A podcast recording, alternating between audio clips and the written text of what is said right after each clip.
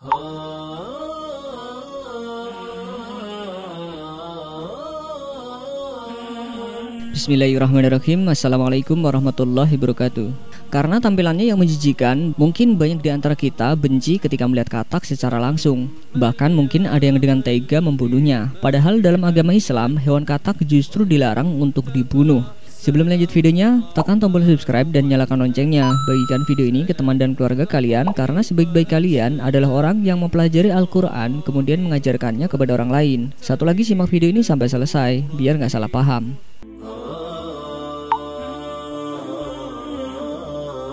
Meski dianggap hewan yang kecil dan remeh, namun ternyata di zaman Nabi, hewan katak pernah memiliki peranan penting khususnya bagi Nabi Ibrahim alaihissalam. Dalam sebuah hadis, Nabi Muhammad SAW bersabda, dahulu katak memadamkan api dari Nabi Ibrahim alaihissalam ketika dibakar, sedangkan cicak meniup-niupnya. Maka dilarang membunuh katak dan diperintahkan membunuh cicak.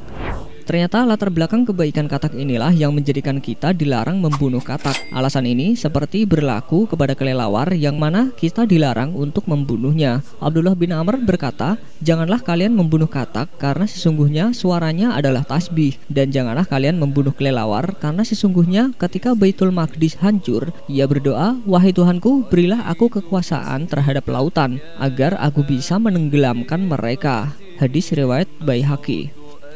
Seperti yang kita ketahui, jika katak adalah salah satu hewan amfibi yang bisa hidup di darat dan juga di air. Menariknya, dalam agama Islam, rupanya membunuh katak sangat dilarang. Dalam sebuah riwayat maukuf atau perkataan sahabat yang sahih dari Abdullah bin Amr radhiyallahu anhu, beliau berkata, "Janganlah kalian membunuh katak karena dia senantiasa bertasbih dan jangan membunuh kelelawar karena ketika Baitul Maqdis runtuh, dia berkata, "Wahai Tuhannya pemimpinku yang menguasai lautan." Mereka berdoa sampai mereka membelah lautan. Hadis hadis riwayat Al-Baihaqi.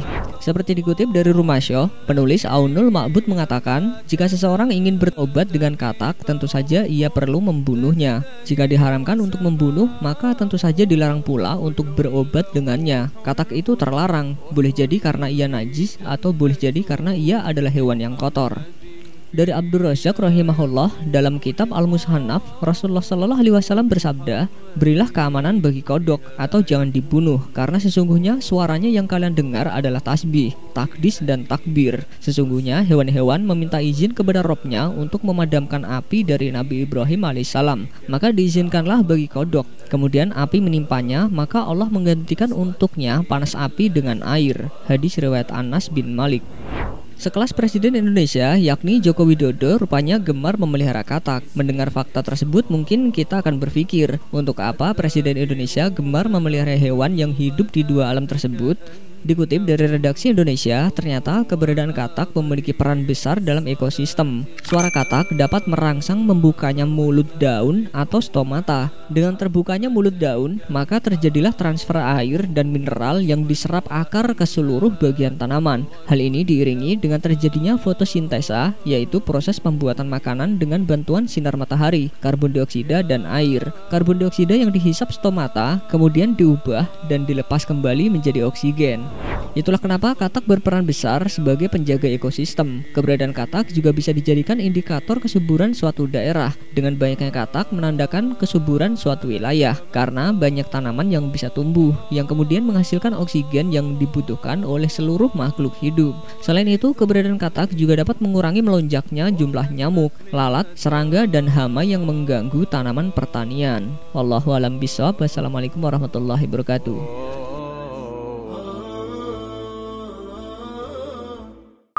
Sebelum beranjak dari video ini, mungkin video sebelumnya juga menarik untuk dilihat nih. Selama ini mungkin kita mengenal adanya dinosaurus dari ilmu pengetahuan dan penemuan-penemuan fosil yang diteliti oleh para ilmuwan. Namun, bagaimanakah perspektif Islam terhadap keberadaan hewan prasejarah seperti dinosaurus? Sebelumnya tekan tombol subscribe dan nyalakan loncengnya. Bagikan video ini ke teman dan keluarga kalian karena sebaik-baik kalian adalah orang yang mempelajari Al-Quran kemudian mengajarkannya kepada orang lain. Satu lagi simak video ini sampai selesai biar nggak salah paham.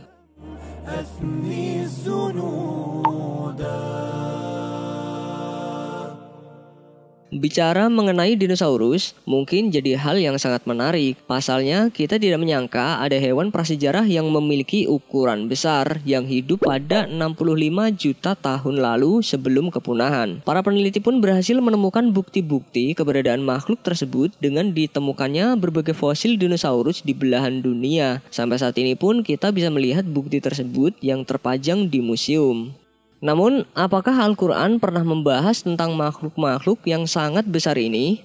Kita sudah mengetahui bahwa Allah Subhanahu wa Ta'ala menciptakan seluruh alam semesta untuk makhluknya, termasuk manusia, hewan, dan sebagainya. Seperti yang dijelaskan dalam surat An-Nasi'at ayat 33 yang berbunyi, Semua itu untuk kesenanganmu dan untuk binatang-binatang ternakmu. Quran Surat An-Nasi'at ayat 33 Selain itu, dalam surat Luqman ayat 10 disebutkan, dia menciptakan langit tanpa tiang yang kamu melihatnya, dan dia meletakkan gunung-gunung di permukaan bumi supaya bumi itu tidak menggoyangkan kamu, dan memperkembangbiakan padanya segala macam jenis binatang. Dan kami turunkan air hujan dari langit, lalu kami tumbuhkan padanya segala macam tumbuh-tumbuhan yang baik. Quran Surat Luqman ayat 10 dalam surat tersebut menunjukkan bahwa setelah penciptaan bumi juga dikembangbiakan binatang-binatang dan ini kemungkinan adalah binatang-binatang prasejarah dan juga binatang-binatang yang kita lihat saat ini. Wallahu alam.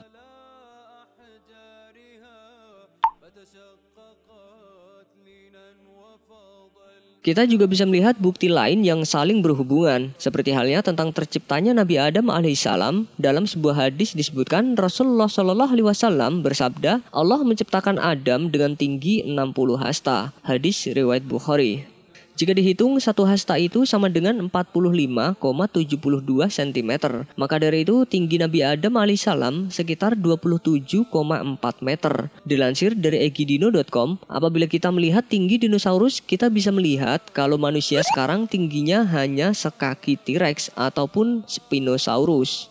Tapi cobalah kita bayangkan bila tinggi Nabi Adam 27,4 meter atau sama dengan 60 hasta dan bila diubah ke feet sama dengan 60 feet. Itu berarti tinggi manusia pertama yaitu Nabi Adam 60 feet dan Spinosaurus saja cuma 16 feet. Itu artinya bukan tidak mungkin dahulu memang ada hewan yang sangat besar mengingat Nabi Adam atau manusia pertama juga memiliki tubuh yang besar.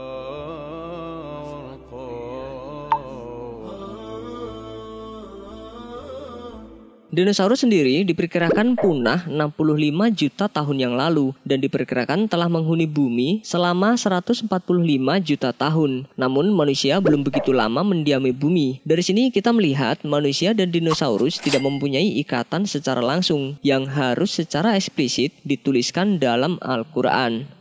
Dilansir dari konsultasi syariah.com, keberadaan dinosaurus hanyalah sebuah teori. Mereka diprediksi hidup pada masa ratusan juta tahun yang lalu. Para ahli paleontologi menemukan berbagai fosil yang kemudian dirangkai sedemikian rupa, kemudian dipostulatkan layaknya binatang. Dan tentu saja ada banyak tambahan baik dari sisi anatomi, morfologi maupun fisiologi. Selain itu, tidak ditemukannya adanya satu dalil, baik dalam Al-Quran maupun Sunnah, yang menyebutkan jenis binatang ini. Karena itu, selayaknya kita tidak memasakkan dalil Al-Quran dan Sunnah untuk memihak teori tersebut. Dalam fatwa Islam, pernah disinggung tentang dinosaurus. Jawaban pertama yang disampaikan, tidak ada dalil tegas dari Al-Quran maupun Sunnah yang menetapkan adanya makhluk tersebut maupun yang meniadakan keberadaan makhluk tersebut. Dalam Al-Quran, terdapat ayat yang dipahami sebagian ulama bahwa ada ada makhluk yang tinggal di bumi ini sebelum kehadiran Nabi Adam alaihissalam.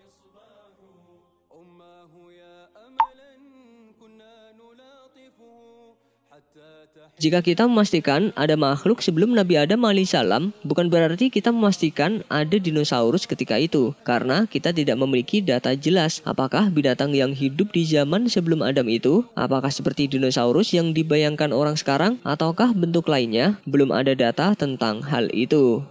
Andai dinosaurus itu benar-benar ada di masa silam, kita meyakini bahwa Al-Quran maupun Sunnah tidak menolaknya. Karena Al-Quran dan Sunnah tidak menolak kebenaran jika benar-benar ada yang namanya makhluk dinosaurus tersebut. Al-Quran bukanlah buku sejarah, tapi begitu banyak petunjuk di dalamnya yang harus digali oleh manusia. Jadi nyata bahwa Al-Quran adalah kumpulan ilmu dan petunjuk benar dan salah, ketauhidan, bimbingan hidup, ilmu dan teknologi, serta sejarah-sejarah baik yang harus kita gali sendiri maupun yang diceritakan secara langsung. Wallahu a'lam bishawab. Wassalamualaikum warahmatullahi wabarakatuh.